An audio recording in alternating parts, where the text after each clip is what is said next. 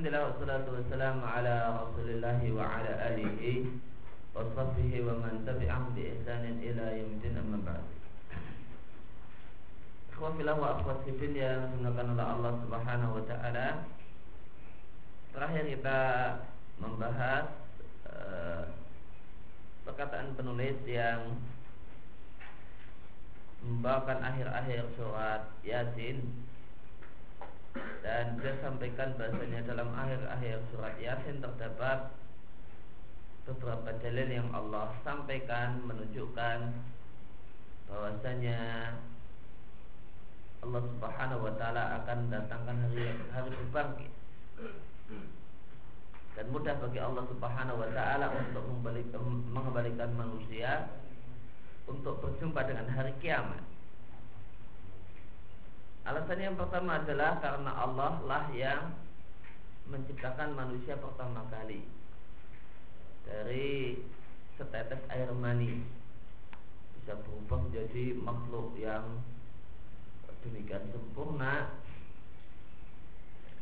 Maka jika Allah mampu untuk menciptakan manusia pertama kali maka mengembalikannya adalah satu hal yang sangat-sangat mudah Kemudian yang kedua adalah Allah mengatakan bahwa bikulli khalqin alim dan Allah adalah zat yang mengetahui seluruh makhluknya. Maka jika Allah Subhanahu wa taala mengetahui seluruh makhluknya maka tentu Allah Subhanahu wa taala mengetahui cara mengembalikan makhluknya. Maka di antara yang Allah ketahui adalah Allah mengetahui permasalahan pengembalian makhluk.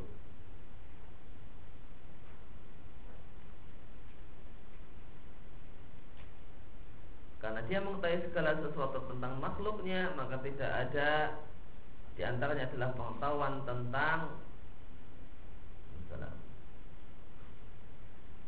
menciptakan kembali manusia setelah matinya, maka tidak ada satupun yang menghalangi Allah Subhanahu wa taala untuk menciptakan kembali makhluknya. Akhir sampai situ ya. Kemudian alasan yang ketiga bukti bahasanya Allah Subhanahu wa taala akan mendatangkan hari berbangkit adalah firman Allah di surat Yasin ayat yang ke-80 Allah ja'ala lakum minasyajaril akhdari nara Allah adalah zat yang menciptakan untuk kalian dari pohon yang masih hijau, yang masih basah, naron api. Faidah antum minhu tuqidun dan tiba-tiba kalian bisa menyalakan api darinya. Bisa membuat perapian darinya. Maka ada pohon yang masih hijau, basah, keluar darinya api yaitu ada pohon yang berwarna hijau dan masih basah dipukulkan dengan e, batu tertentu maka terpeciklah api. Dan orang-orang Arab dahulu mengetahui cara semacam ini. Maka zat yang mengeluarkan api yang memiliki sifat panas dan kering dari satu dahan pohon yang masih basah dan dingin. Artinya mengeluarkan artinya dua hal ini adalah dua hal yang bertentangan. Roya tatadot sangat bertentangan. Tentu dia adalah kuasa untuk menciptakan manusia atau mengembalikan penciptaan tulang belulang yang telah hancur dan Allah tegaskan bahasanya api tersebut benar-benar api yang bisa dimanfaatkan untuk perapian, untuk memasak dan yang lainnya dengan Allah katakan Faida antum min maka tiba-tiba kalian bisa membuat perapian dengannya. Ya, dengan perapian tersebut kalian memasak makanan. Maka api yang terwujud dari e, dahan pohon yang masih basah tadi bukan cuma sekedar percikan namun api sungguhan yang bisa digunakan untuk perapian. Ini luar biasa. Maka ini satu hal yang menurut manusia satu hal yang mustahil. Ini dahan pohon yang basah kok muncul darinya api. Ini satu hal yang bertolak belakang, maka ini satu hal yang cukup mustahil. Namun ternyata tidak mustahil bagi Allah. Maka demikian pula tidak mustahil bagi Allah untuk menghidupkan kembali tulang belulang yang telah hancur. Kemudian alasan yang keempat bahasanya Allah akan mendatangkan hari berbangkit. Awalaisa alladhi khalaqas samawati wal arda biqadirin ala ayakhluqa mithlahu Tidakkah zat yang menciptakan langit dan bumi itu kuasa untuk menciptakan semisal mereka?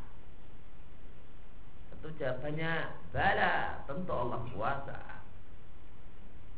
Karena Allah berfirman sungguh penciptaan langit dan bumi itu dalam pandangan manusia lebih sulit daripada penciptaan manusia itu sendiri. Ini dalam pandangan manusia. Adapun bagi Allah Subhanahu wa taala tidak ada yang sulit sama sekali. Sama mudahnya. Tidak ada yang lebih sulit. Falati makadat yang menciptakan langit dan bumi demikian besar dan besar tentu sangat kuasa untuk mengembalikan juz'an satu bagian yang yang bagian tersebutlah syai'at tidak ada apa-apanya dinisbah jika dibandingkan dengan bumi maka anda wahai keturunan Adam berapa persen anda jika dibandingkan jika dibandingkan dengan bumi. Ini bumi demikian besar, kemudian satu manusia seperberapanya. Ini seperberapanya. Manusia itu seperberapa bumi. Sangat kecil sehingga karena sangat kecil nggak ada apa-apanya. Maka jawabannya lah syai'ah Tidak ada apa-apanya. Karena sangat kecil Karena sepernya seper sekian. Anta khuliqta minha dan Anda wahai manusia Anda tercipta dari bumi. Dan Anda adalah bagian yang sangat-sangat kecil dari bumi. Kalau mau dibuat perbandingan ukuran manusia dengan ukuran bumi maka zat yang kuasa untuk menciptakan langit dan bumi tentu sangat kuasa menciptakan makhluk semisal Anda wahai manusia dan Allah telah jawab pertanyaan ini di Allah jawab sendiri pertanyaan ini dengan Allah katakan bala. Tentu Allah kuasa untuk menciptakan manusia dan membalikan tulang belulang manusia yang telah. Ini alasan yang keempat. Allah Allah yang menciptakan langit dan bumi dan ini diakui oleh orang-orang kafir. Maka jika Allah mencipta langit dan bumi, apa repotnya, apa sulitnya? menciptakan kembali tulang belulang. Tidak repot, tidak sulit. Maka jika seorang itu maka sungguh satu hal yang aneh jika seorang itu mengakui Allah pencipta langit dan bumi namun tidak mengakui kalau Allah akan menghidupkan kembali tulang belulang. Ini aneh. Tidak, cara berpikirnya tidak benar. Kalau cara berpikirnya sehat, kalau dia mengimani bahwasanya Allah pencipta langit dan bumi, maka dia akan mengimani kalau Allah akan menciptakan kembali ya, menghidupkan kembali tulang belulang yang hancur. Wawal khalaqul alim dan dia adalah al khalaq dat yang sering mencipta itu kalau kita artikan dengan mubalaghah al alim dan lagi zat yang maha mengetahui. Al khalaq di sini sigatun mubalaghah ungkapan hiperbol artinya banyak dan sering mencipta namun bisa juga jika anda mau bisa juga kita jadikan al khalaq di sini nisbah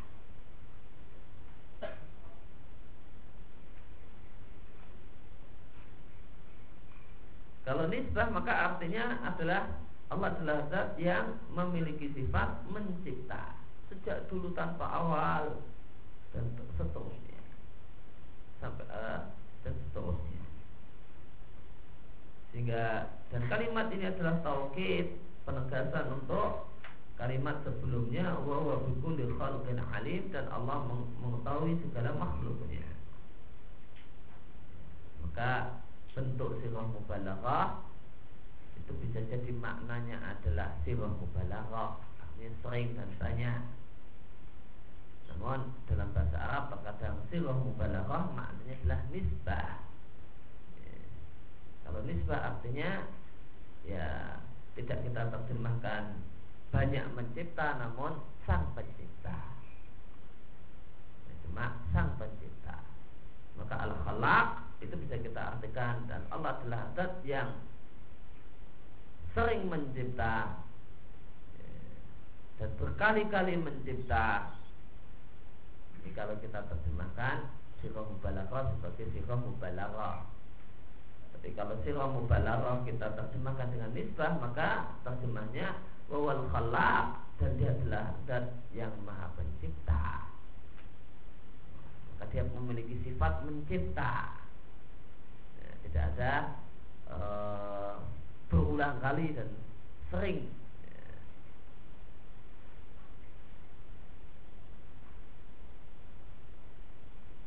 Maka mungkin al khalaq di sini mungkin dimaknai dengan sirah mubalaghah dan bisa juga dimaknai dengan nisbah.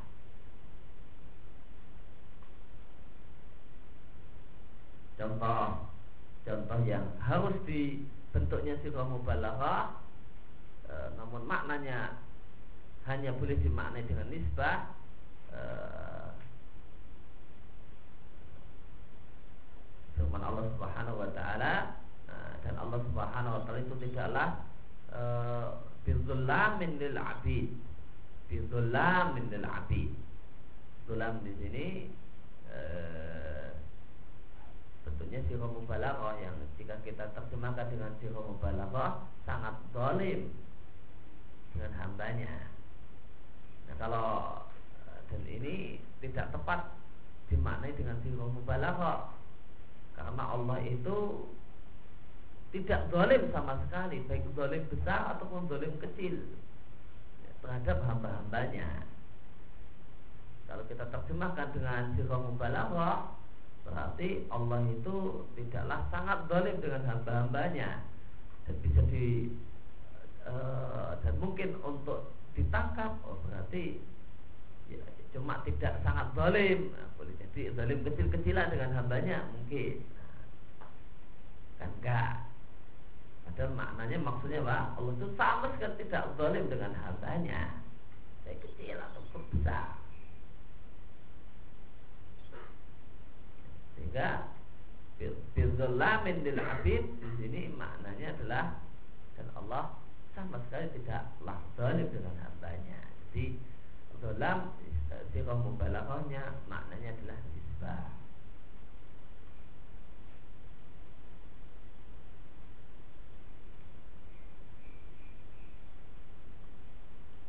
Ini salah uh, jadi di antara alasan uh, ulama yang mengatakan perempuan haram ziarah kubur pada terdapat hadis la'anallahu zawaratil kubur nah, Allah melaknat perempuan yang zawarat sering ziarah kubur nah, ulama yang melarang ziarah kubur secara mutlak bagi perempuan mengatakan di sini nisbah maknanya bukan sirah mubalaghah maksud Allah Allah melaknat perempuan yang Sering ziarah kubur bukan berarti kalau kadang-kadang boleh. Tapi sering ziarah kubur di sini bentuknya sirah mubalaghah namun maknanya nisbah Allah melaknat perempuan yang ziarah kubur baik sedikit ataupun banyak. Itu kalau dimaknai dengan nisbah.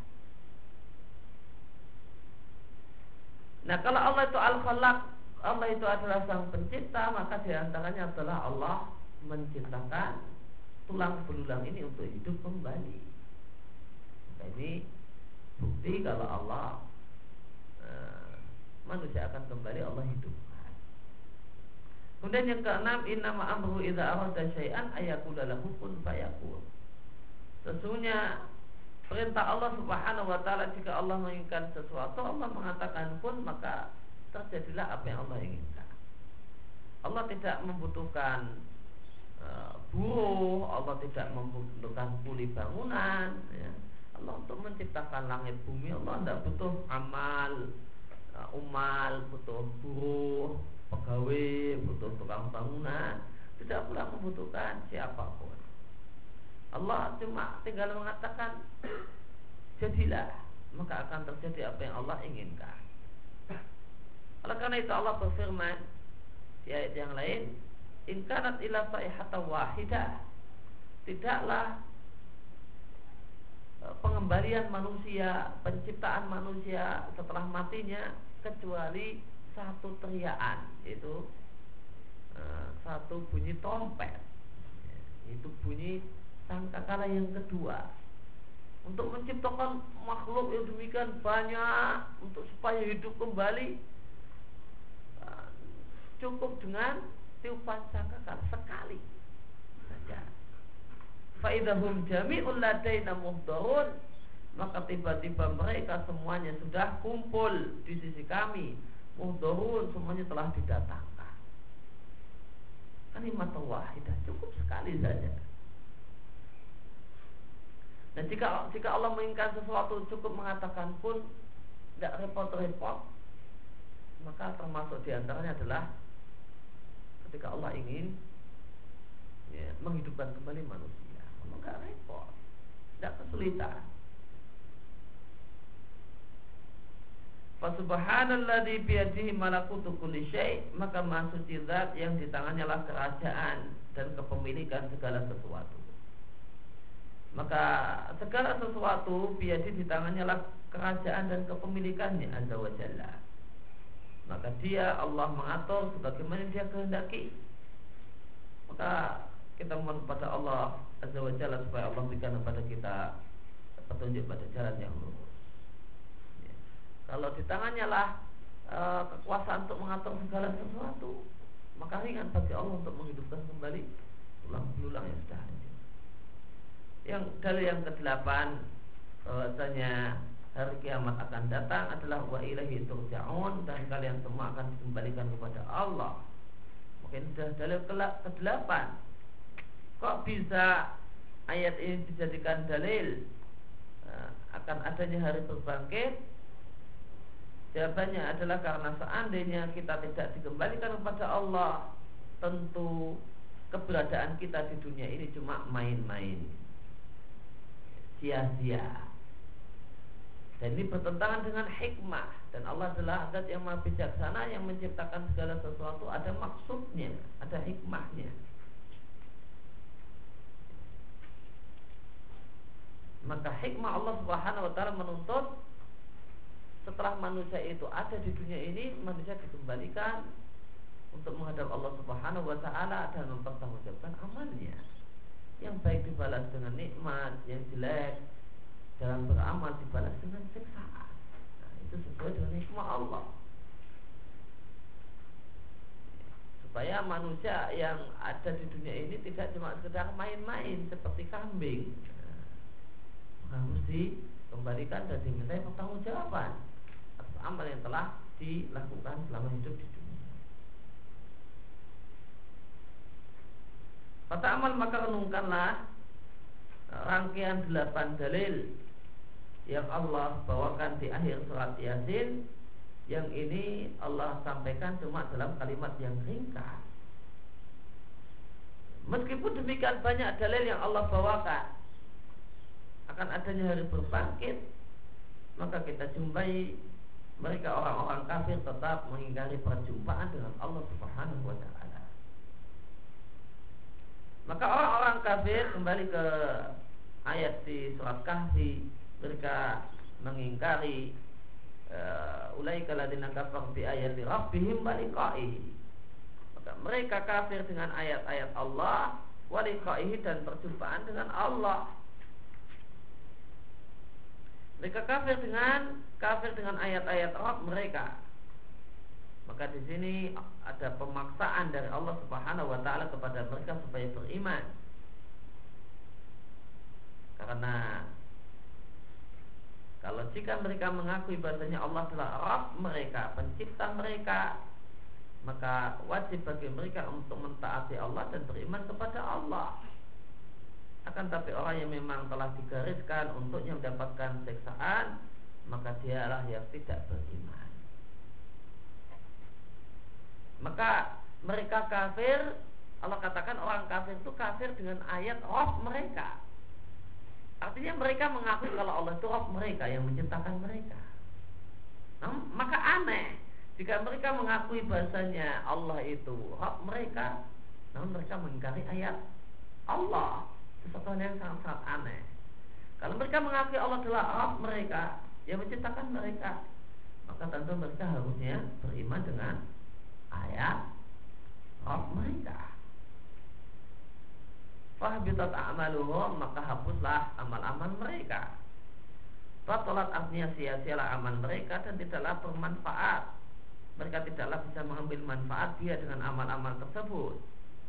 Artinya seandainya ada orang kafir yang asana berbuat baik memperbaiki wa aslaha atuqa memperbaiki jalan, aspal jalan semula berlubang jadi aspal biar masyarakat e, melewati jalan tersebut dengan nyaman wabana arubat mereka membangun tempat-tempat penampungan penampungan orang tua jompo atau orang anak-anak terlantar dan sebagainya. Dan bersedekah dengan fakir miskin itu semua tidak ada manfaatnya. Jika mereka kafir itu semua tidak ada manfaatnya jika Allah berke, berkehendak untuk memberikan pahala atas amal sosial orang-orang kafir ini maka apa? Allah akan segerakan untuk si kafir ini pahalanya di dunia dengan cara diberi rezeki yang lancar, diberi badan yang sehat, ya, tidak dapat musibah.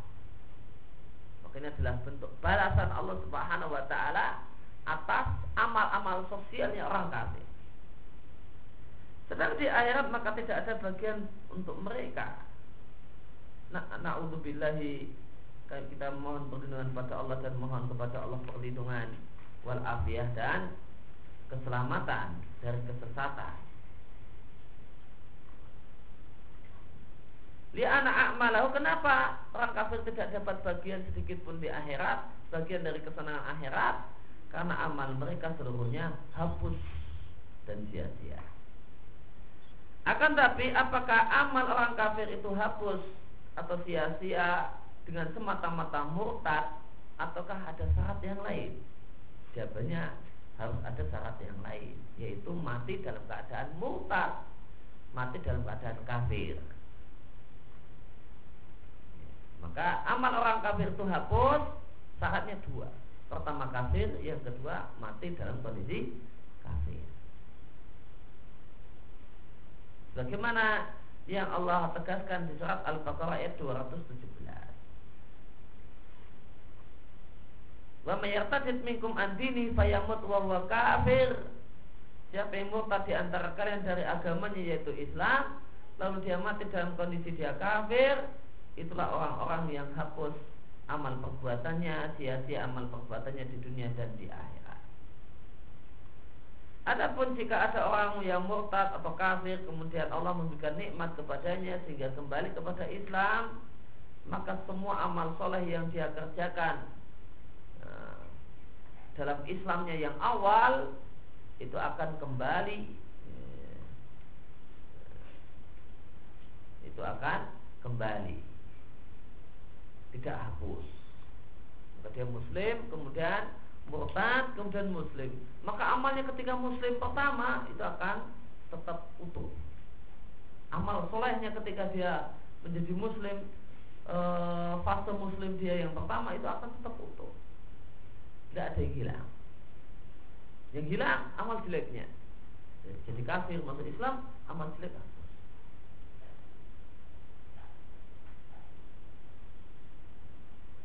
Maka surat kahfi uh, ayat 105 ini wajib kita tafsirkan harus kita tafsirkan dengan surat Al-Baqarah ayat 217. Di surat kafir ayat 105 cuma dinyatakan amal hapus gara-gara kekafiran. Dan ini ada dalam banyak ayat. Namun semua ayat yang mengatakan orang kafir, eh, orang kafir itu amalnya hapus karena kekafiran wajib dijelaskan dengan surat Al-Baqarah ayat 217 yang menyatakan selain kekafiran ada syarat yang lain yaitu mati dalam badan kafir. Nah itu yang hapus amalnya.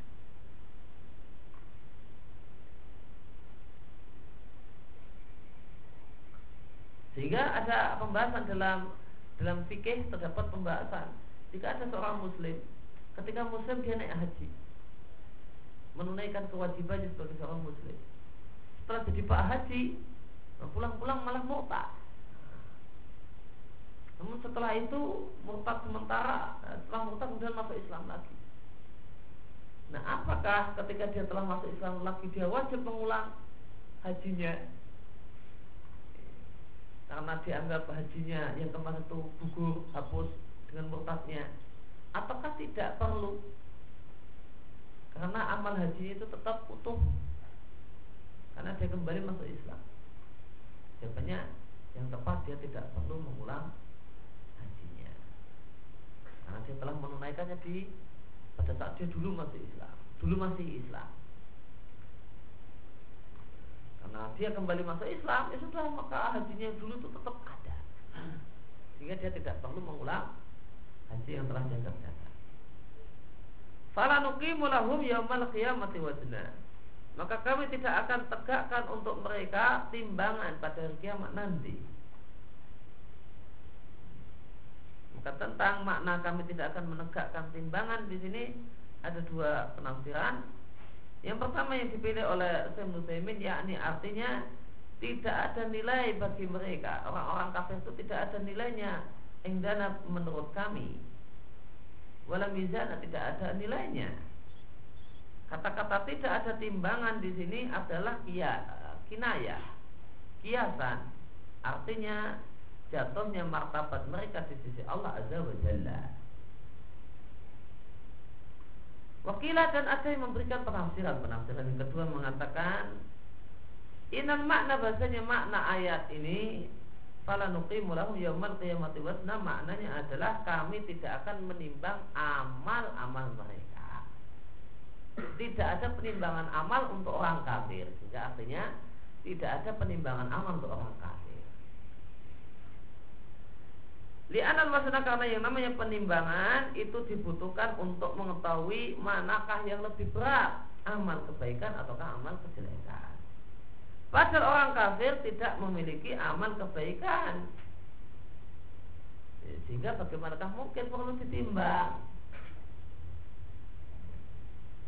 Demikian uh, alasan ulama yang mengatakan orang uh, orang kafir itu amalnya tidak ditimbang. Mereka berdalil dengan ayat ini, "Fala nuqimu lahum yaumal qiyamati wazna." Dan mereka berdalil dengan logika untuk apa? Ditimbang itu kan ya untuk mengetahui mana yang lebih berat. Loh, orang kafir itu amalnya cuma amal jelek, nggak ada amal baiknya. Untuk apa ditimbang? Walaupun sahih akan tapi pendapat yang benar dalam masalah ini bahasanya amal seluruhnya itu ditimbang. Amal muslim, amal kafir seluruhnya ditimbang. Dalilnya firman Allah, adapun orang yang berat timbangan eh, timbangannya maka dia dalam kehidupan yang menyenangkan. Adapun orang yang ringan timbangannya maka tempat kembalinya adalah hawiyah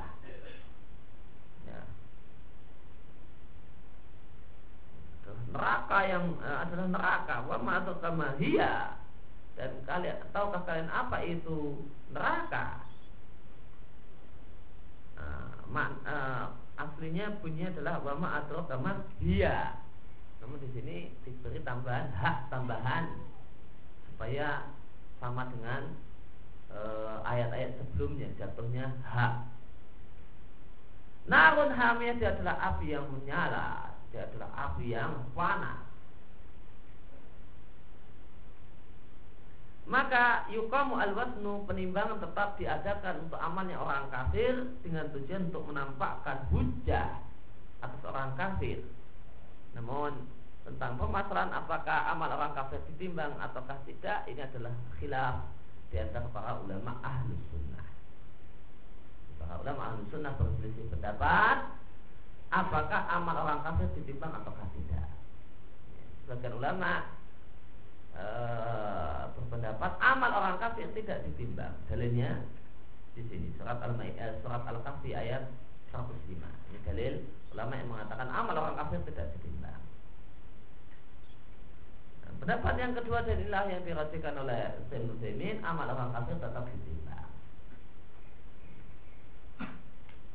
Karena yang namanya khofat mawazinu ringan timbangannya ya, yang dimaksud ringan timbangannya yang namanya ringan timbang itu ada dua macam. Ringan timbangan amal kebaikan itu dua macam ringan dan ada isinya, ringan karena nggak ada isinya. Semuanya disebut ringan timbangannya. Timbangan amal kebaikannya ringan, timbangan amal keburukannya berat. Ringannya timbangan amal kebaikan boleh jadi ada isinya. Namun amal kecelakannya lebih berat. Boleh jadi timbangan amal kebaikannya itu kosong tidak ada isinya maka jelas amal kebaik, amal kejelekannya yang berat. Maka pendapat yang dirajikan oleh Syekh Utsaimin adalah eh, amal orang kafir juga dicinta. Beliau beralasan dengan surat Al-Qari'ah. Sisi sisi pendalilannya adalah eh, khufat mawazino ringan ringannya amal eh, ringannya timbangan kebaikan itu ada dua macam. Namanya disebut ringan timbangan kebaikannya dan sekali lagi ini dalam masalah yang diperselisihkan di antara para ulama ahli sunnah maka ada khilaf dalam masalah akidah ya. namun tidak banyak tidak sebanyak masalah fikih Zalika jazauhum jahannamu bima kafar wa takhudhu ayati wa usuli huzwa itulah balasan untuk mereka yaitu jahanam disebabkan mereka kafir dan mereka menjadikan ayat-ayatku dan para utusanku husuan sebagai bahan olok-olokan. Artinya dari kalimat guru hal yang telah disebutkan yang telah disebutkan yaitu tidaklah ditegakkan untuk mereka timbangan dan amal-amal mereka itu hapus. Jazauhum jahannamu balasan untuk mereka adalah neraka disebabkan mereka kafir. Bima di sini baknya sababiyah. Maknya masdariyah sehingga maknanya jazaum jahannamu bikufrihim disebabkan kekafiran mereka. Maka mereka itu masuk neraka sebabnya sebabnya adalah karena kafir. Kemudian yang kedua karena mereka menjadikan ayatku dan rasulku sebagai huzuan sebagai bahan olok-olokan.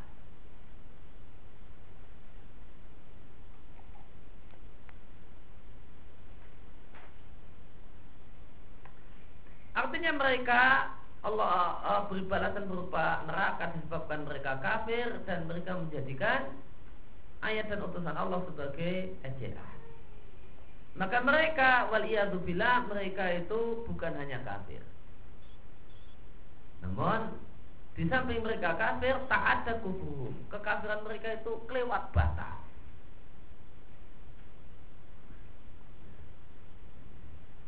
Kelewat batas kekafiran itu mereka dakwahkan kepada orang lain dengan cara mengejek-ejek Rasul, dengan mengejek-ejek ayat-ayat Allah. Ya, ejekan ayat-ayat Allah ini adalah bentuk dakwah mereka kepada orang lain agar mengikuti jejak mereka menjadi orang-orang yang kafir. Selalu jadilah mereka mengejek-ejek ayat-ayat Allah, mengejek para Rasul, maka mereka tidak mencukupkan diri dengan kekafiran mereka kepada Allah Subhanahu wa taala. Maka kekafiran mereka kekafiran yang parah. Jika mereka itu kafir, ya, kebenaran datang mereka tidak mau menerimanya. Ini kekafiran yang ringan. Nah, kalau kekafiran ini juga e, di samping mereka kafir mereka melakukan usaha-usaha mengejek Rasul, mengejek ayat Allah, maka kekafirannya ini lebih parah. Huzuan maknanya mahal mahal huzuin yaitu sasaran ejek-ejekan. Maka mereka orang-orang kafir mengejek-ejek para rasul. Oleh karena itu Allah berfirman kepada Rasul Muhammad eh, Rasul sallallahu alaihi wasallam, "Wa idza ra'aka alladziina kafar." Jika orang-orang kafir itu melihatmu, ia takhidunaka illa huzwa. Tidaklah mereka menjadikanmu kecuali bahan ejekan. Di antaranya mereka mengatakan di antara bentuk ejaan orang kafir terhadap para rasul adalah ahadalladzi ba'atsallahu rasulah. Apakah orang semacam ini yang Allah jadikan sebagai utusan? Menggunakan kalimat tanya. Kalimat tanya di sini tidaklah diragukan maknanya adalah tahkir. Makna, maknanya adalah merendahkan. Dan di antara bentuk merendahkan itu adalah Nah, dengan bentuk kalimat tanya. Kayak gini toh lurahnya toh. Nah, tanya. Begini toh lurahnya itu. Nah, itu maksudnya menjatuhkan orang yang mengejek orang yang uh, di orang tersebut. Begini toh orang Jawa itu. Nah, itu maksudnya melecehkan. Oh, oh begini tak orang Sumatera itu, maksudnya melecehkan. Ya. Tentunya kalimat tanya namun maknanya tahkir, melecehkan. Ahada Rasulullah ini apakah ini Rasul? Artinya layakkah ini jadikan Rasul? Seperti ini kok jadi Rasul maksudnya. Inka ada layudilluna an alihatina laula an sabarna alaiha kata orang kafir hampir-hampir saja manusia ini utusan Allah ini menyesatkan kita dari sesembahan kita. Seandainya kita tidak bersabar menyembah sesembahan kita. Ya. untuk jadi orang musyrik harus sabar. Karena banyak godaan untuk meninggalkan sesembahan mereka. Banyak yang tidak wai. Oh, apa itu kemusyrikan? Butuh kesabaran. Untuk jadi orang musyrik.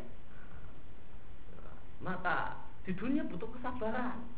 Di akhirat lebih butuh lagi kesabaran lagi. Harus sabar di neraka selama-lamanya. A'udzubillahi yaftakhiruna annahum sabar. Mereka menyombongkan diri ke di hadapan para rasul bahasa yang mereka adalah orang-orang yang bersabar menyembah sesembahan mereka dan membela dan menolong sesembahan mereka untuk jadi orang kafir jadi orang musyrik itu harus sabar nah, untuk jadi orang kafir jadi orang musyrik butuh modal besar. Nah, untuk pasang sajen nah, itu butuh biaya untuk beli kambing dan sebagainya itu butuh biaya itu dibutuhkan kesabaran. Nah, ditambah lagi kesabaran menghadapi godaan. Orang yang mengajak pada tauhid nah, orang yang mengajak untuk meninggalkan kemusyrikan harus butuh kesabaran supaya bisa bertahan jadi orang musyrik maka untuk jadi orang musik saja? Perlu kesabaran Apalagi untuk jadi orang yang beriman Masa kita kalah sabar dengan mereka?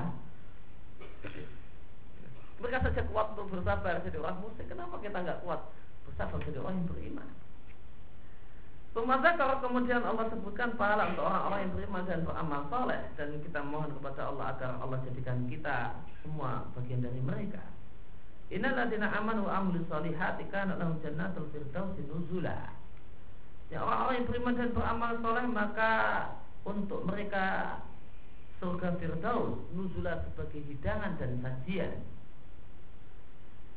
Maka sebagai ganti dari jahanam yang merupakan suguhan hidangan untuk orang-orang kafir, maka surga Firdaus adalah suguhan dan hidangan untuk orang-orang yang beriman. Namun orang yang mendapatkan surga Firdaus adalah e, harus memiliki dua syarat dalam ayat ini, yaitu beriman dan amal soleh. Iman letaknya di hati. Maksudnya, maksudnya adalah asal iman. Iman menurut ahlu sunnah itu di hati, di lisan dan di anggota badan. Ya, adapun di hati adalah uh, asalnya iman. Dan perkataan Sebetulnya di sini sebagaimana perkataan Al Hasan Al Basri. Ya, Laisal imanu bitamani wala bitahali wala innamal imanu mawaqa'a fil qalbi wa saddaqahu ala amalu. iman itu bukan hanya sekedar berangan-angan dan mengaku-ngaku akan tetapi yang namanya iman nah, adalah apa yang terhujam dalam hati. Namun dibenarkan dengan amal badan. Maka asalnya iman itu tertancap dalam hati. Namun ahlu sunnah memiliki kaidah talazum bainal zahir wal batin hubungan ada hubungan erat antara hati dengan amal badan. Kalau hati itu ada iman, amal badan harus ada pembenarnya yaitu eh, ada amal. Wal amal saleh dan amal saleh letaknya di jawari anggota badan. Dan amal saleh di sini juga boleh jadi termasuk juga amal hati, semacam tawakal, takut pada Allah, kembali kepada Allah, cinta pada Allah dan semisalnya. Dan amal yang dikerjakan adalah amal soleh dan amal soleh sebagaimana dijelaskan oleh penulis di awal tafsir surat Al-Kahfi itu syarat untuk disebut amal soleh itu ada dua yaitu ikhlas dikerjakan ikhlas karena Allah dan mencocoki syariat Allah. Tidak mungkin satu amal itu disebut amal soleh kecuali dengan hal ini yaitu ikhlas karena Allah dan mencocoki syariat Allah. Maka siapa yang tidak ikhlas yaitu musyrik Siapa yang menyekutukan Allah ya, dengan menjadi orang musyrik atau menyekutukan Allah dengan ria, maka amalnya bukanlah amal yang saleh. Dan siapa yang mengada-ada eh, melakukan ibadah yang mengada-ada, maka juga bukan amal saleh karena amalnya tertolak.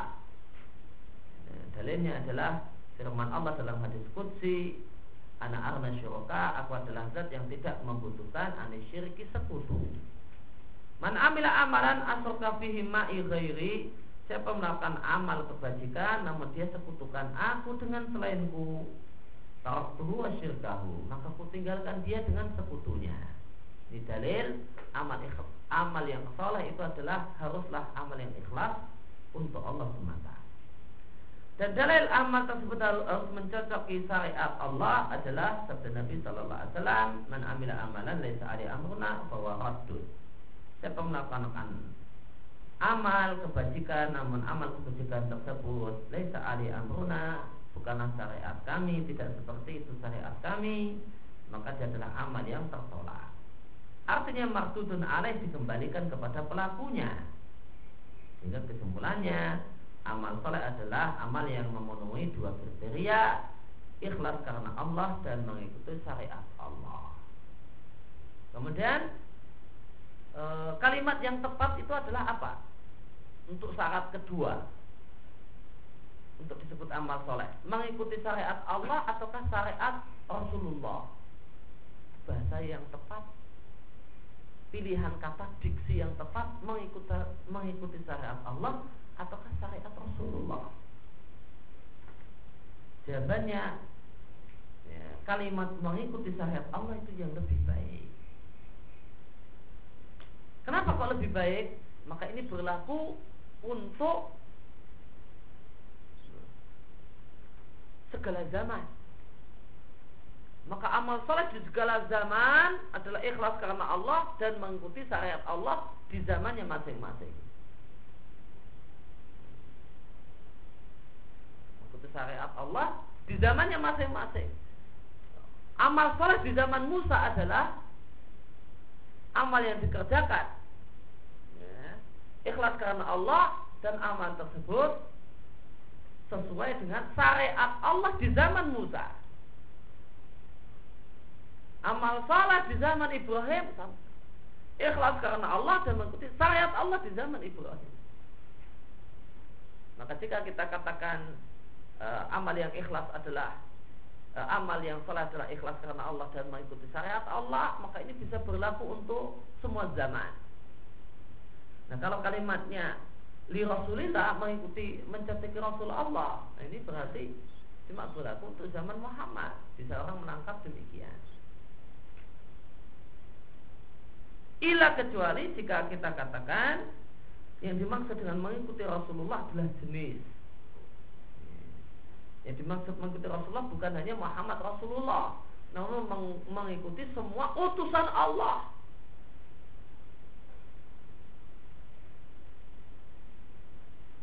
maka jenis maka yang dimaksud utusan Allah dan semua utusan Allah bukan hanya Duna Muhammad bukan hanya Muhammad. Fanaam. Maka kalau ini kalimatnya jadi tepat. Karena orang beriman di kaum Musa dan kaum Isa bisa termasuk dalam kalimat ini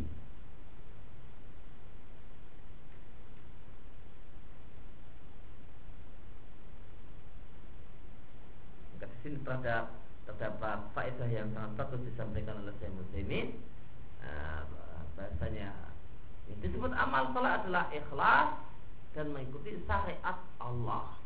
Syariat Allah untuk masing-masing nabi dan rasul. Syariat Allah untuk masing-masing zaman. Sehingga definisi ini berlaku untuk semua nabi. Semua zaman Boleh juga orang mengatakan mengikuti syariat, eh, mengikuti syariat Rasulullah, namun maknanya adalah semua utusan Allah di masing-masing zaman. Karena lahum jannatul firdaus nuzula, maka untuk mereka surga firdaus nuzula sebagai hidangan. Nah, apa makna kana di sini? Hal muat apakah yang dimaksud dengan kana di sini adalah menunjukkan madiyah masa lalu? Apakah karena di sini artinya adalah tahqiq untuk menegaskan bahasanya benar-benar surga firdaus itu akan jadi hidangan untuk mereka. Karena terkadang karena itu maknanya adalah taukid atau penegasan atau tahqiq. Semacam wa Allah ghafurur rahima. Karena di sini artinya sungguh. Bukan artinya dulu. Dulu Allah Maha Pengampun, sekarang sudah tidak. Enggak. Kalau karena di sini dulu, maka berarti dulu Allah Maha Pengampun, Maha Penyayang. Sekarang sudah tidak lagi. Nah? Maka karena di sini maknanya adalah ditahkir. Wa Allah, sungguh Allah itu Maha Pengampun lagi Maha Penyayang. Nah, karena lahu jannatul firdausi ini karena di sini apa maknanya? Dulu ataukah maknanya sungguh Jawabannya dua-duanya bisa. Al-amrani waqi'ani dua-duanya jadi, dua-duanya bisa. Maka bisa kita artikan karena di sini dulu sehingga maknanya karena fi ilmillahi nuzulan lahu. Surga Firdaus itu sejak dulu dalam ilmu Allah, dalam takdir Allah akan jadi hidangan untuk mereka maka tidak. Bisa dimaknai dengan dulu namun dulunya artinya adalah takdir sejak dulu memang telah Allah takdirkan surga firdaus untuk hidangan untuk mereka. Wakanat nuzulan dan surga firdaus adalah hidangan dan sajian untuk mereka ala takdir dalam artian benar-benar jadi hidangan untuk mereka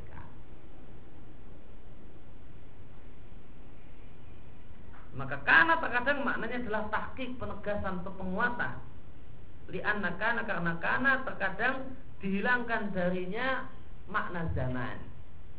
Kandungan waktu yang ada di dalamnya, kandungan waktu dari kana itu apa? Dulu. Dalam, dalam banyak ayat dalam Al-Quran eh, Kandungan waktu dalam kana yaitu dulu itu hilang Kemudian maknanya adalah menegaskan Nah ketika kandungan waktu dari kana itu dihilangkan maka mak makna kana adalah at-tahqiq penegasan. Jannatul Firdaus nuzulah surga Firdaus sebagai hidangan. Di sini Jannatul Firdaus terdapat idofah. Maka idofah di sini apa? Apakah idofah mausuf kepada sifat? Dalam pengertian semua surga itu Firdaus kalau mau uh, itu hanya mausuf ila sifat maka artinya semua surga itu firdaus. Maka firdaus adalah nama lain untuk surga. Maka firdaus di sini nama lain untuk surga ataukah firdaus di sini adalah tingkatan surga? Wa a'lal jannat yaitu surga dengan tingkatan yang paling tinggi. Sedangkan Eh, surga-surga yang lain tingkatan-tingkatan yang lain di bawahnya. Nah, apa makna Firdaus dalam ayat ini. Firdaus di sini adalah nama lain untuk surga ataukah nama tingkatan tertinggi dalam surga.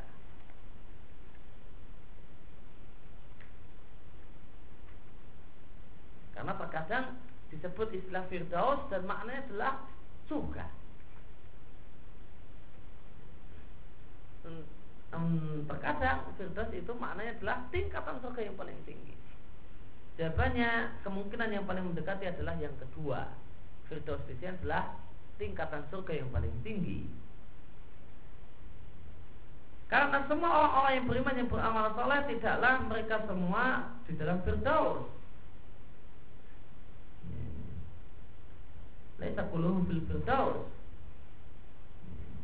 Bal hum fi jannatil Firdaus. Nah, namun mereka itu dalam uh, dalam surga.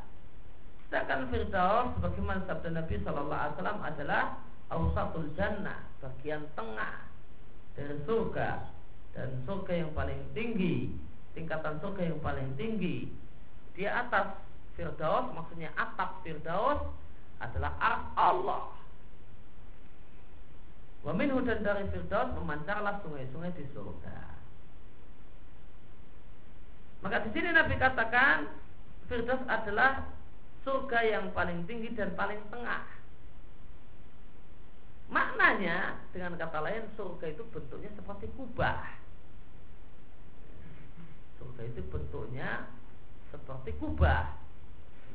Setengah bola. Bangunannya bentuknya setengah bola. Maka ada yang bagian yang paling tengah dan paling tinggi. Yang paling tengah dan paling tinggi itu Firdaus. Dan atap Firdaus adalah ars Allah. Maka di sini Nabi menyebutkan empat sifat Firdaus. Pertama adalah tengah surga dan tingkatan surga yang paling tinggi. Kemudian yang ketiga adalah atapnya adalah ars Allah. Kemudian yang keempat adalah minhu tafajjaru anharul jannah. Darinya memancar sungai-sungai surga. Khalidina fiha la yabghuna anha hiwala, mereka kekal di dalam surga, mereka tidak mencari hiwala tempat ganti. Mereka kekal di dalamnya artinya abadan selama-lamanya. Dan tidak ada perselisihan di antara ahli sunnah tentang hal ini. Bahasanya penghuni surga itu kekal dalam surga. La yabghuna anha hiwala dan mereka tidak mencari tempat pindah. Tidak mereka tidaklah mencari tempat pindah dari surga mereka. Artinya mereka tidaklah para penghuni surga tidaklah meminta anda badalan ganti yang lain dari surga yang mereka tempati. Hiwalan maknanya tahawulan berpindah. Artinya masing-masing penghuni surga itu puas dan ridho dengan nikmat yang Allah berikan untuk masing-masing mereka dalam tingkatannya masing-masing. Kenapa? Karena masing-masing penghuni surga tidaklah melihat ada seseorang yang lebih sempurna nikmatnya daripada dirinya. Maka masing-masing penghuni surga meskipun tingkatan yang paling rendah merasa dia adalah manusia yang paling beruntung. Nah, padahal dia paling rendah.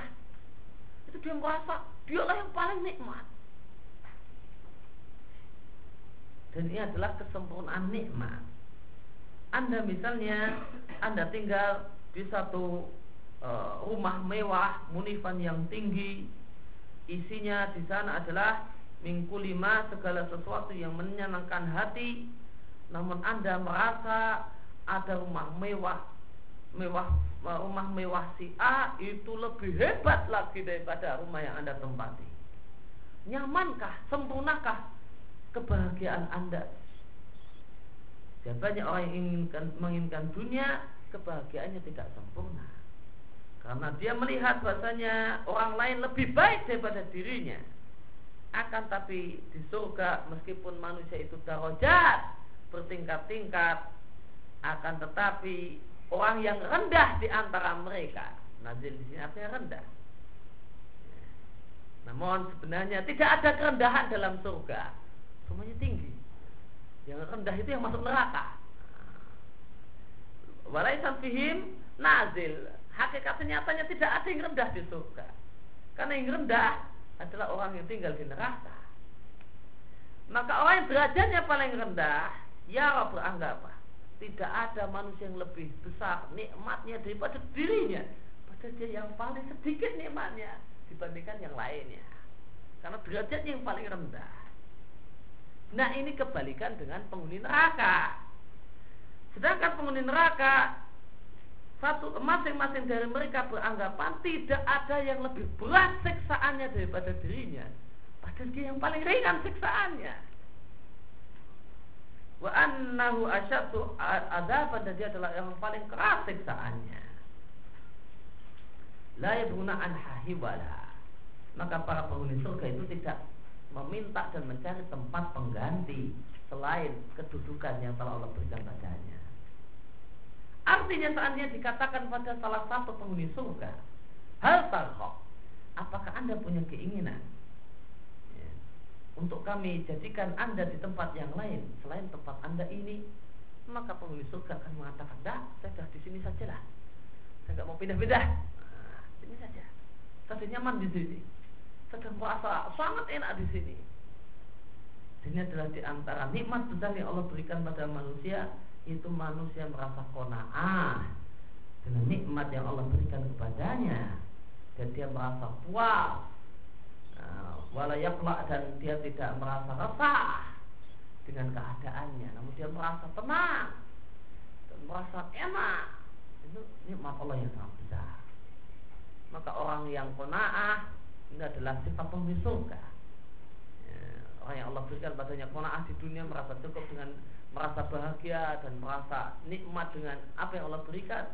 Maka ada pada apa, ada padanya sifat penghuni surga yang dengan itu maka dia layak untuk masuk surga nantinya. Maka dia telah punya sifat penghuni surga sebelum masuk surga. Kulakan al-bahu midata kalimati rabbi. Katakanlah seandainya lautan adalah tinta untuk firman firman Tuhanku niscaya habislah lautan sebelum habis firman firman Rabbku. Walau jina meskipun kami datangkan tinta semisal itu. Katakanlah wahai Muhammad, seandainya lautan itu midada, artinya hibron tinta yang digunakan untuk menulis, untuk menulis firman-firman Rabbku. Isa lautan itu akan habis sebelum habis firman-firman Allah Azza wa Jalla. Karena Allah adalah pengatur segala urusan. Dan dengan kata-katanya kun dan kata-kata Allah yaitu kun itu tidak ada habisnya. Ya. Allah Allah mengatur segala urusan dengan uh, segala urusan. Dan dengan kata-kata pun Allah mengatur segala urusan dan tidak ada habis untuk firman Allah Azza wa Jalla. Bahkan dalam ayat yang lain Allah mengatakan, seandainya semua pohon yang ada di bumi itu menjadi pena, lokana aklaman, seandainya semua ranting-ranting pohon jadi pena, dan lautan yang mudu itu ditambahi dengan tujuh lautan laut yang demikian luas di bumi ini itu ditambahi tujuh kali lipatnya. Berarti ada delapan uh, delapan jumlah air sebanyak ini. Delapan kali uh, tambah tujuh lagi berarti delapan kali lipat. Padahal demikian luas. Sudah ditambahi tujuh, tujuh kali lipat mana fidat kalimatullah untuk menulis. Kemudian itu semua untuk menulis firman-firman Allah mana fidat kalimatullah maka belumlah habis firman-firman Allah dan sungguh telah habis lautan dan telah patah pena-pena dan firman-firman Allah masih tersisa Walau jina bimitlihi madada meskipun kami tambahi lautan semisal itu Madada di sini artinya tambah. Karena firman Allah itu tidak ada habisnya. Maka dalam ayat ini terdapat dalil tegas menunjukkan bahasanya ada Allah itu berfirman. Dan firman-firman Allah itu ada dua macam, ada firman kauni dan firman syar'i. Firman syar'i adalah apa yang Allah firmankan kepada para rasul. Adapun firman kauni adalah ya, Qadarahu adalah apa yang dengannya Allah tetapkan takdirnya. Inama amruhu hanyalah perintah Allah. Jika Allah menginginkan sesuatu Allah mengucapkan kun maka jadilah apa yang Allah firmankan. Maka segala sesuatu terjadi dengan kehendak Allah. Dan jika demikian maka Allah berfirman untuk segala sesuatu kun pun maka terwujudlah apa yang Allah inginkan. Dan di antara firman-firman syar'i adalah apa yang eh, adalah apa yang Allah wahyukan kepada selain para rasul semacam firman-firman yang Allah wahyukan kepada Adam karena Adam alaihissalatu wassalam adalah nabi dan bukan rasul. Namun Allah telah memberikan perintah dan larangan kepada Adam dan perintah dan larangan itu sama dengan firman syar'i. Maka firman Allah ada dua firman syar'i dan firman kauni. Firman syar'i adalah firman yang Allah berikan kepada para nabi dan rasul. Firman syar'i sama dengan takdir. Kul inama ana basyarum mislukum yuha ilayya. Katakanlah aku hanyalah manusia biasa semisal kalian yang mendapatkan wahyu. Di antara wahyu yang aku dapatkan adalah annama ilahukum ilahu wahid. Sesungguhnya sembahan kalian adalah sesembahan yang esa. Maka siapa yang berharap berjumpa dengan Tuhannya, maka adalah dia melakukan amal yang saleh dan, dan janganlah dia menyekutukan uh, menyekutukan Allah dalam masalah ibadah ahadan dengan satupun makhluk. Yakni artinya aklin ulum, umumkanlah lil malak kepada semua manusia bahwa engkau wahai Muhammad sallallahu alaihi wasallam bukanlah malaikat, namun engkau adalah manusia sebagaimana jenis manusia yang lain. Aku adalah manusia semisal kalian. Kata-kata semisal di sini untuk menguatkan dan menegaskan kemanusiaan. Seandainya bunyinya inama anak basaun saja Itu sudah artinya manusia. Ditambah mislukum artinya ditegaskan lagi. Sehingga maknanya aku adalah manusia biasa Yang tidaklah keluar dari batas-batas kemanusiaan.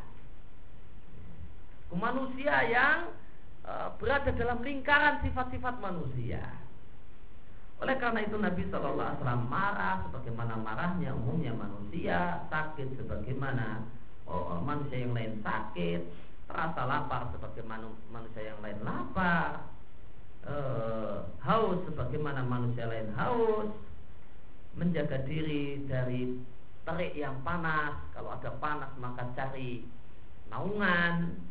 Sebagaimana umumnya manusia kalau ada terik dan panas cari naungan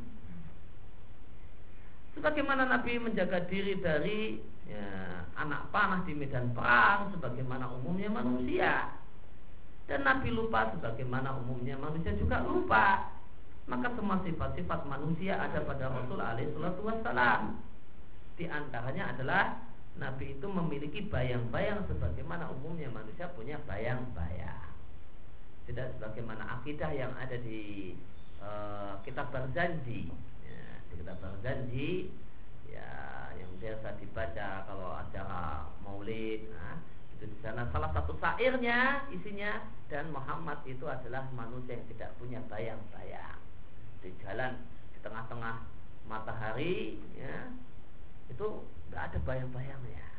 Itu kata berjanji Amaman za'ama ada pun orang yang beranggapan bahasanya Nabi itu cahaya sehingga tidak punya bayang-bayang karena beliau itu cahaya. Maka Nabi itu tidak punya bayang-bayang itu turunan dari akidah Nur Muhammad. Itu anggapan manusia bahasanya Nabi Nabi itu adalah Nur dan bukan raga dan bukan jasa, namun cahaya. Kalau cahaya, ya, maka tidak punya bayang-bayang, namun menimbulkan bayang-bayang. kalau Nabi itu nutupi orang, maka menimbulkan bayang-bayang. Maka yang ditutupi oleh Nabi eh, itu e, memiliki bayang-bayang. Maka anggapan bahasanya Nabi itu cahaya sehingga tidak punya bayang-bayang. Lesa lahu tidak punya bayang-bayang makanya adalah dusta yang nyata tanpa ragu. Karena Rasul Shallallahu Alaihi Wasallam adalah sebagaimana manusia yang lain punya bayang-bayang dan cari naungan. Dan mencari bayang-bayang. Orang cari naungan itu apa? Cari ya, cari bayang-bayangan di mana ada bayang-bayang pohon? Nah, di situ. Biar nyaman nggak kena sinar matahari maka seandainya Nabi Shallallahu Alaihi Wasallam itu tidak punya bayang-bayang sebagaimana apa yang dikatakan di kitab berjanji saya akan dinukil kepada kita dengan nukilan mutawatir. Saya hadisnya mutawatir. Karena ini adalah di antara tanda kekuasaan Allah Subhanahu wa taala. Dan kesimpulannya maka Rasulullah sallallahu alaihi wasallam adalah manusia sebagaimana umumnya manusia.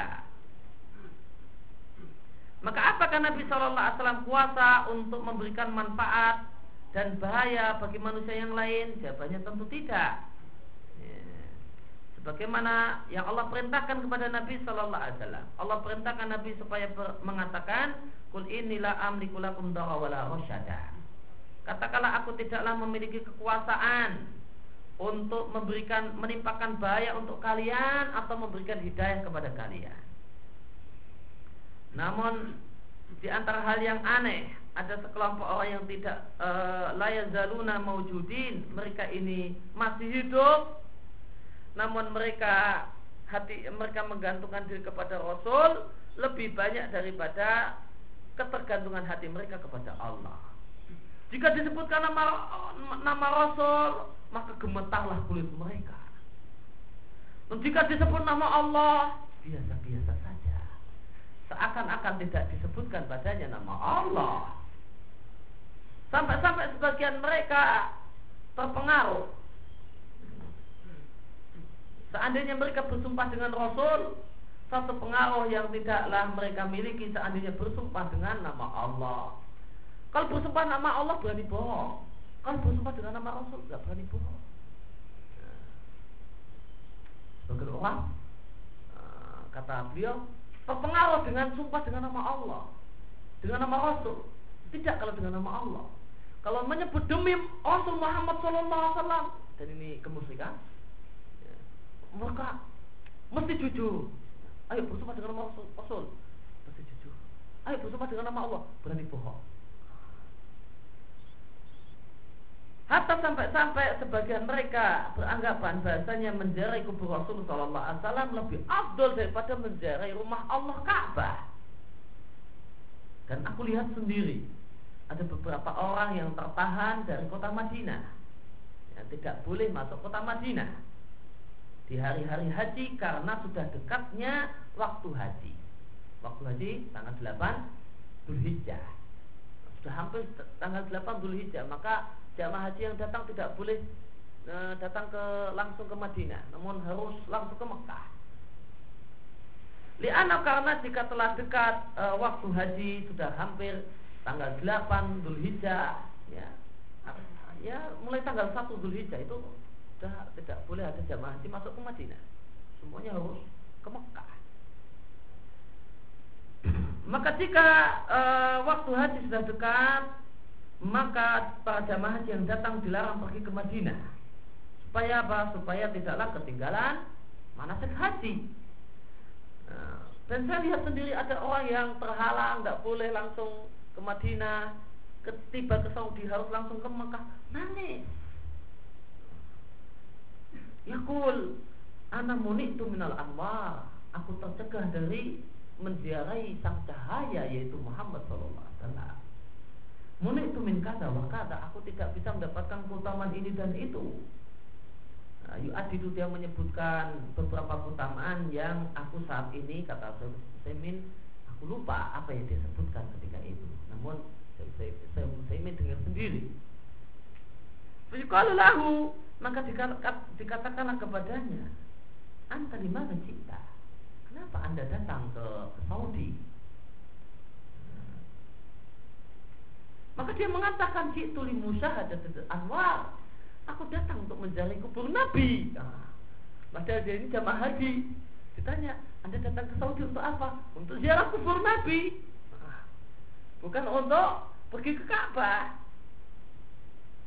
Ka'annahu seakan-akan dia tidaklah datang ke Saudi kecuali untuk menjari Madinah. Dia lupa kalau dia itu jamaah haji yang berarti dia datang ke Saudi untuk menunaikan ibadah uh, kewajiban haji. dan menangis ini mungkin terjadi untuk sebagian negara yang uh, ya, ya kalau sebagian negara uh, tidak sebagian mana Indonesia? Kalau Indonesia yang langsung ke Mekah nanti ada kesempatan ke ke Madinah. Ya mungkin di sini uh, orang ini apa uh, hajinya sendiri sehingga target dia cuma sekian hari maunya ke Madinah dulu kemudian ke Mekah namun nggak bisa. Karena sudah mepet. Ini ya, karena jadwal dia setelah selesai haji pulang Wasababu zalika al dan sebab terjadinya hal ini adalah kebodohan. Karena ulama tidaklah menjelaskan hal yang benar kepada orang awam. Karena sebenarnya orang awam itu punya perasaan yang berkobar-kobar. Artinya seandainya diberitahu kebenaran, tentu dia akan menerima dan kembali pada kebenaran. Yuha ilayya akan mendapatkan wahyu. Inilah mizah, inilah keistimewaan Rasul sallallahu alaihi wasallam yaitu beliau mendapatkan wahyu. Sedangkan selain beliau, manusia yang lainnya tidak mendapatkan wahyu kecuali saudara-saudara beliau itu para rasul alaihi wassalatu wassalam.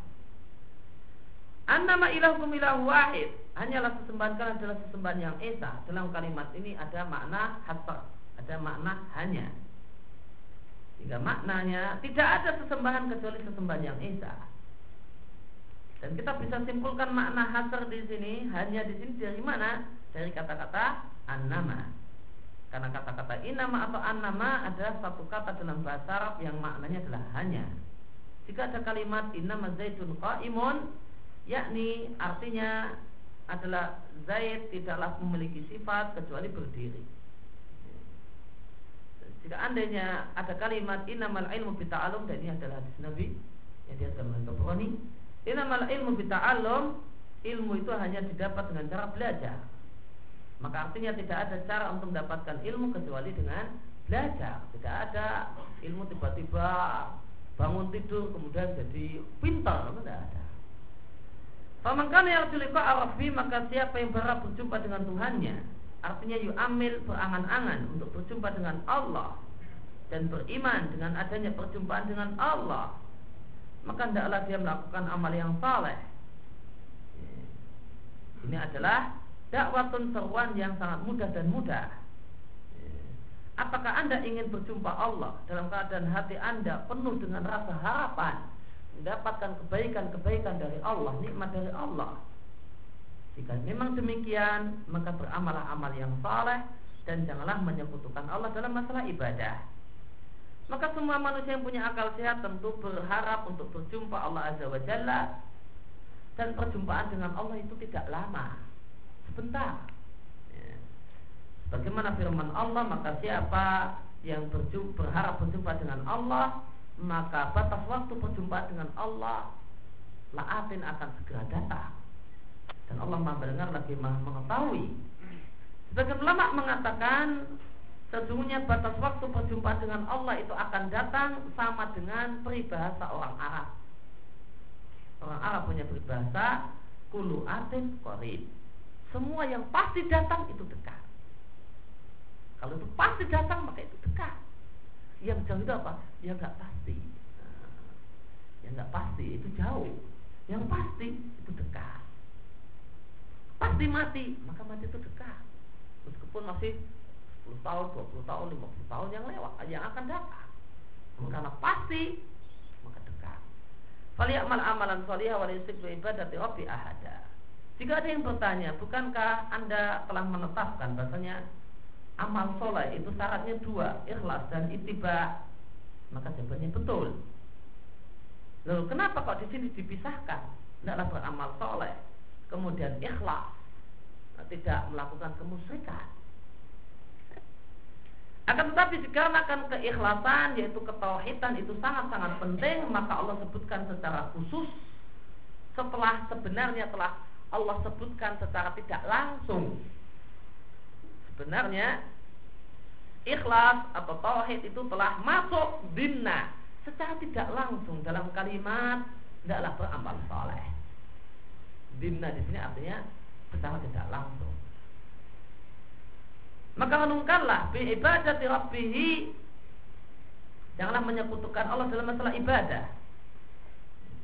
Tabayan laka supaya jelas bagimu bahasanya Allah Azza wa Jalla itu hakikun berhak untuk tidak disekutukan. Karena dia adalah Arab karena dia adalah sang pencipta, sang pemilik dan sang pengatur segala makhluknya. Dan kita pun katakan dengan hati dan lidah kita, hati dan mulut kita, Rabbuna Allah. Allah adalah Rabb kita. Dan kita mohon kepada Allah istiqomah di atas iman sehingga kita termasuk dalam firman Allah. Ini orang-orang yang mengucapkan, mengucapkan apa? Dengan lisan dan hatinya. Rabbuna Allah, Rabb kami adalah Allah. Kemudian mereka istiqomah di atas imannya tersebut. Ya, maka akan turun pada mereka malaikat yaitu sebelum mereka mati. Sebelum mereka mati akan turun malaikat yang akan memberikan kabar janganlah kalian takut, janganlah kalian bersedih hati, bergembiralah dengan surga yang dijanjikan kepada kalian. Dan yang makna Rabb di sini mengandung makna ilah. Kenapa? Nah, jika disebut Rob terkandung di sana ilah. Jika disebut di sana ilah terkandung di sana Rob sebagaimana penjelasan sesuai Fauzan di uh, Al-Irsyad ila Sahihil. Kemudian yang dimaksud tatanazzalu alimul malaika adalah sebelum mati. Ya. Sebelum mati nyawa mau dicabut turun malaikat memberikan kabar gembira. Karena ada orang yang salah paham dengan ayat ini yang mengatakan uh, di antara wirid yang patut untuk diperbanyak adalah Rabbunallah, Rabbunallah, Rabbunallah, Rabbunallah. Oh, nanti malaikat akan turun membantu kita, menolong kita. Kalau uh, Rabbunallah, Rabbunallah. Maka ada orang yang ceritakan demikian kalau dia dapat dari ustadznya seperti itu kemudian saya ceritakan tata nazalul malaika itu maknanya di buku-buku tafsir sebelum mati turunlah malaikat. Maka Rabbunallah Rabbunallah itu mengundang kematian berarti ya. Meminta cepat mati ya? Walhamdulillahilladzi wafaqana li ikmali hadis surah. Maka segala puji bagi Allah telah memberikan taufik kepada kita untuk menyelesaikan tafsir dari surat ini. Surat Al-Kahfi. Sallallahu alaihi wa ala nabiyina Muhammadin wa ala alihi wa sahbihi ajma'in. Ya, subhanakallahumma bihamdika asyhadu an la ilaha illa anta astaghfiruka wa atubu ilaik.